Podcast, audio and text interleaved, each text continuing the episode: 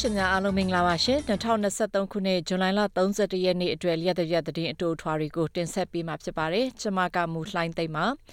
ဒီကနေ့ထိတ်တန့်ရောက်နေတဲ့သတင်းတွေကတော့အင်ဒိုနီးရှားနိုင်ငံကိုတင်ပို့တဲ့နွားတွေမှာအဖို့အထိဖြစ်နေတဲ့အရေးပြယောဂါမရှိဘူးလို့ဩစတြေးလျနိုင်ငံကပြောဆိုလိုက်တဲ့အကြောင်း ပါကစ္စတန်အနောက်တောင်ပိုင်းမှာပြုလုပ်တဲ့နိုင်ငံရေးစုယုံမှုတစ်ခုအတွင်းဘုံပေါက်ကွဲခဲ့လို့အ ਨੇ ဆုံးလူလူ40သေဆုံးပြီး200ကျော်ဒဏ်ရာရသွားတယ်ဆိုတဲ့အကြောင်းတွေနဲ့တခြားထူးခြားတဲ့သတင်းတွေကိုလည်းတင်ဆက်ပေးမှာဖြစ်ပါတယ်။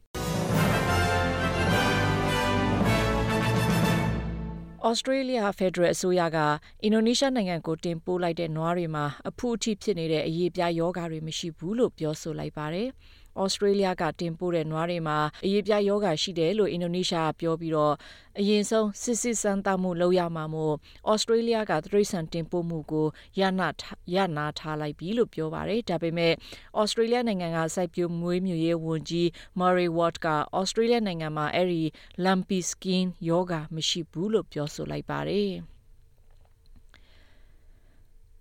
ဩစတြေးလျနိုင်ငံသားတွေအနေနဲ့ ပြည်ပက မိဘတွေနဲ့အတူတူနေရဖို့ခေါ်တဲ့ parent visa မိဘ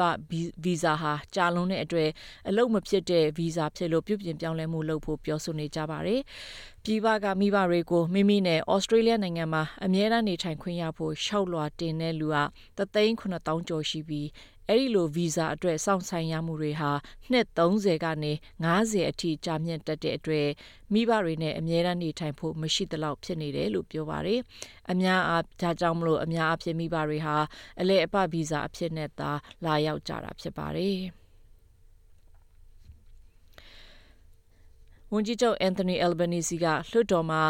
Housing Australia Future Fund ဥပဒေကိုဒီတစ်ပတ်ထဲပြန်လည်အဆိုတင်သွင်းမယ်လို့ပြောပါတယ်။အဲ့ဒီဥပဒေကြမ်းကို Green Party နဲ့ Liberal National Party ကကန့်ကွက်တဲ့အတွက်အထက်လွှတ်တော်မှာရှုံးနိမ့်ခဲ့ပါတယ်။ Green Party ကအိမ်ငါးခါလစာကိုမတိုးဘူးလို့ကတိပေးရင်အဲ့ဒီဥပဒေမူကြမ်းကိုထောက်ခံမယ်လို့ပြောဆိုထားပေမဲ့ဝန်ကြီးချုပ်ကအဲ့ဒီကိစ္စကိုဆွေးနွေးမှုလုပ်နိုင်ပေမဲ့ဆုံးဖြတ်ချက်ကတော့ပြည်내နဲ့ဒေသဆိုင်ရာအစိုးရနဲ့သာသက်ဆိုင်တာဖြစ်တယ်လို့ပြောပါတယ်။ အောက်လွှတ်တော်မှာအဲ့ဒီဥပဒေမူကြမ်းကို အောက်တိုဘာလကျရင်မဲခွဲဆုံးဖြတ်မှာဖြစ်ပါတယ်။ဒီဥပဒေကြမ်းမှာအိမ်ဈေးကိုလူတွေတက်နိုင်အောင်မလုပ်ဆောင်ပေးတာတွေအိမ်ငါးခါတက်တာအောင်မလုပ်ပေးတာတွေကြောင့်မထောက်ခံနိုင်ဘူးလို့အတိုက်ခံနိုင်ငံရေးပါတီကပြောဆိုနေကြပါတယ်။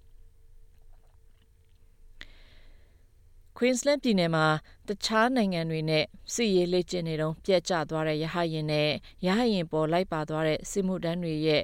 ရုပ်အလောင်းကိုရှာဖွေတာ၃ရက်ရှိသွားပြီဖြစ်ပါတယ်။အဲ့ဒီရဟယင်ဟာ Lindeman Island မှာတောက်ကြနေတော့ကစီရလက်ကျင်သုံးပျောက်ဆုံးသွားတာဖြစ်ပါတယ်။ရဟယင်ပေါ်လူလေးဦးလိုက်ပါသွားပါတယ်။ပြက်ကျသွားတဲ့နေရာအနားမှာအပိုင်းအစတချို့တွေ့ရပေမဲ့ရဟယင်ရဲ့ကိုယ်ထဲနဲ့လိုက်ပါသွားသူတွေရဲ့ရုပ်အလောင်းကိုမတွေ့ရသေးပါဘူး။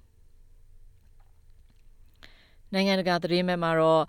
ပါကစ္စတန်နိုင်ငံအနောက်မြောက်ပိုင်းမှာ နိုင်ငံရေးစုယုံပွဲတစ်ခုပြုလုပ်တုန်းဘုံပေါက်ကွဲမှုဖြစ်လို့အနည်းဆုံးလူ42ဦးသေဆုံးပြီး200ကျော်ဒဏ်ရာရရှိခဲ့ပါတယ်။အစ္စလာမ်ဝါဒီကြီးစိုးမှုများပြီးတော့ရှေးရိုးဆွဲတဲ့ Jamiat Ulema Islam First Party ရဲ့နိုင်ငံရေးစုယုံပွဲမှာဘုံပေါက်ကွဲတာဖြစ်ပြီးရဲတွေရဲ့အဆိုအရအသေးခံဘုံပေါက်ကွဲမှုဖြစ်တယ်လို့ပြောပါတယ်။ Saudi Arabia နိုင်ငံက ယူကရိန်းငြိမ်းချမ်းရေးဆွေးနွေးပွဲအတွက်အင်ရှင်အဖြစ်လက်ခံကျင်းပပေးမယ်လို့ပြောပါတယ်။ဩဂုတ်လအစောပိုင်းကျရင်အဲ့ဒီငြိမ်းချမ်းရေးညီလန်ကိုခံကိုပင်လယ်နီရဲ့စိတ်ကမ်းမျိုးတစ်မျိုးဖြစ်တဲ့ဂျဲဒါမှာကျင်းပမှာဖြစ်တယ်လို့ပြောဆိုလိုက်ပြီးအချက်ဆက်ချက်ပါဝင်တဲ့ငြိမ်းချမ်းရေးအစီအစဉ်ကိုဆွေးနွေးကြမယ်လို့ပြောပါတယ်။ယူကရိန်းဘက်ကတော့ဒီဆွေးနွေးပွဲဟာယူကရိန်းငြိမ်းချမ်းရေးအတွက်တာမကကမ္ဘာငြိမ်းချမ်းရေးအတွက်ပါအကျုံးဝင်နိုင်တယ်လို့ပြောဆိုလိုက်ပါတယ်။ ဩစတြေးလျဘက်ကသတင်းကိုပြန်လှည့်ရမယ်ဆိုရင်တော့အလုတ်လက်မဲ့ဖြစ်နေတဲ့လူတွေကိုပေးတဲ့ job seeker ထောက်ပံ့ကြေးကိုတိုးမြင့်ဖို့အတွက်လွှတ်တော်မှာဒီကနေ့ကစပြီးဆွေးနွေးဖို့ရှိပါတယ်။စက်တင်ဘာလကစပြီးအလုတ်လက်မဲ့တဲ့သူတွေကိုပေးတဲ့ထောက်ပံ့ကြေးတွေကို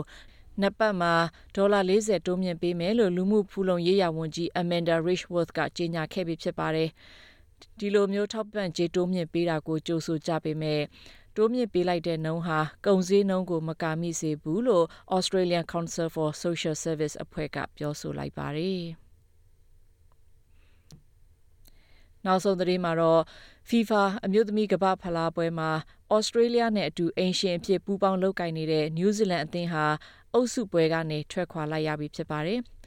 မနေ့ညကဆွစ်ဇာလန်အသင်းနဲ့ကန်တဲ့ပွဲမှာ၃ညနဲ့တရေကြပေမဲ့အမအရေးအတွက်နည်းနဲလို့ထွက်လိုက်ရတာဖြစ်ပါတယ်။ဩစတြေးလျအသင်းကဒီညကျရင်ကနေဒါအသင်းနဲ့ကန်ရမှာဖြစ်ပြီးရှုံးနေရင်တော့ဒါမှမဟုတ်တရေဖြစ်ရင်တော့ဩစတြေးလျအသင်းကထွက်ခွာရမှာဖြစ်ပါတယ်။ကနေဒါအသင်းကိုနိုင်ရင်တော့ဩစတြေးလျဟာအုပ်စုပွဲကနေနောက်တစ်ဆင့်ကိုတက်ခွင့်ရမှာဖြစ်ပါတယ်ရှင်။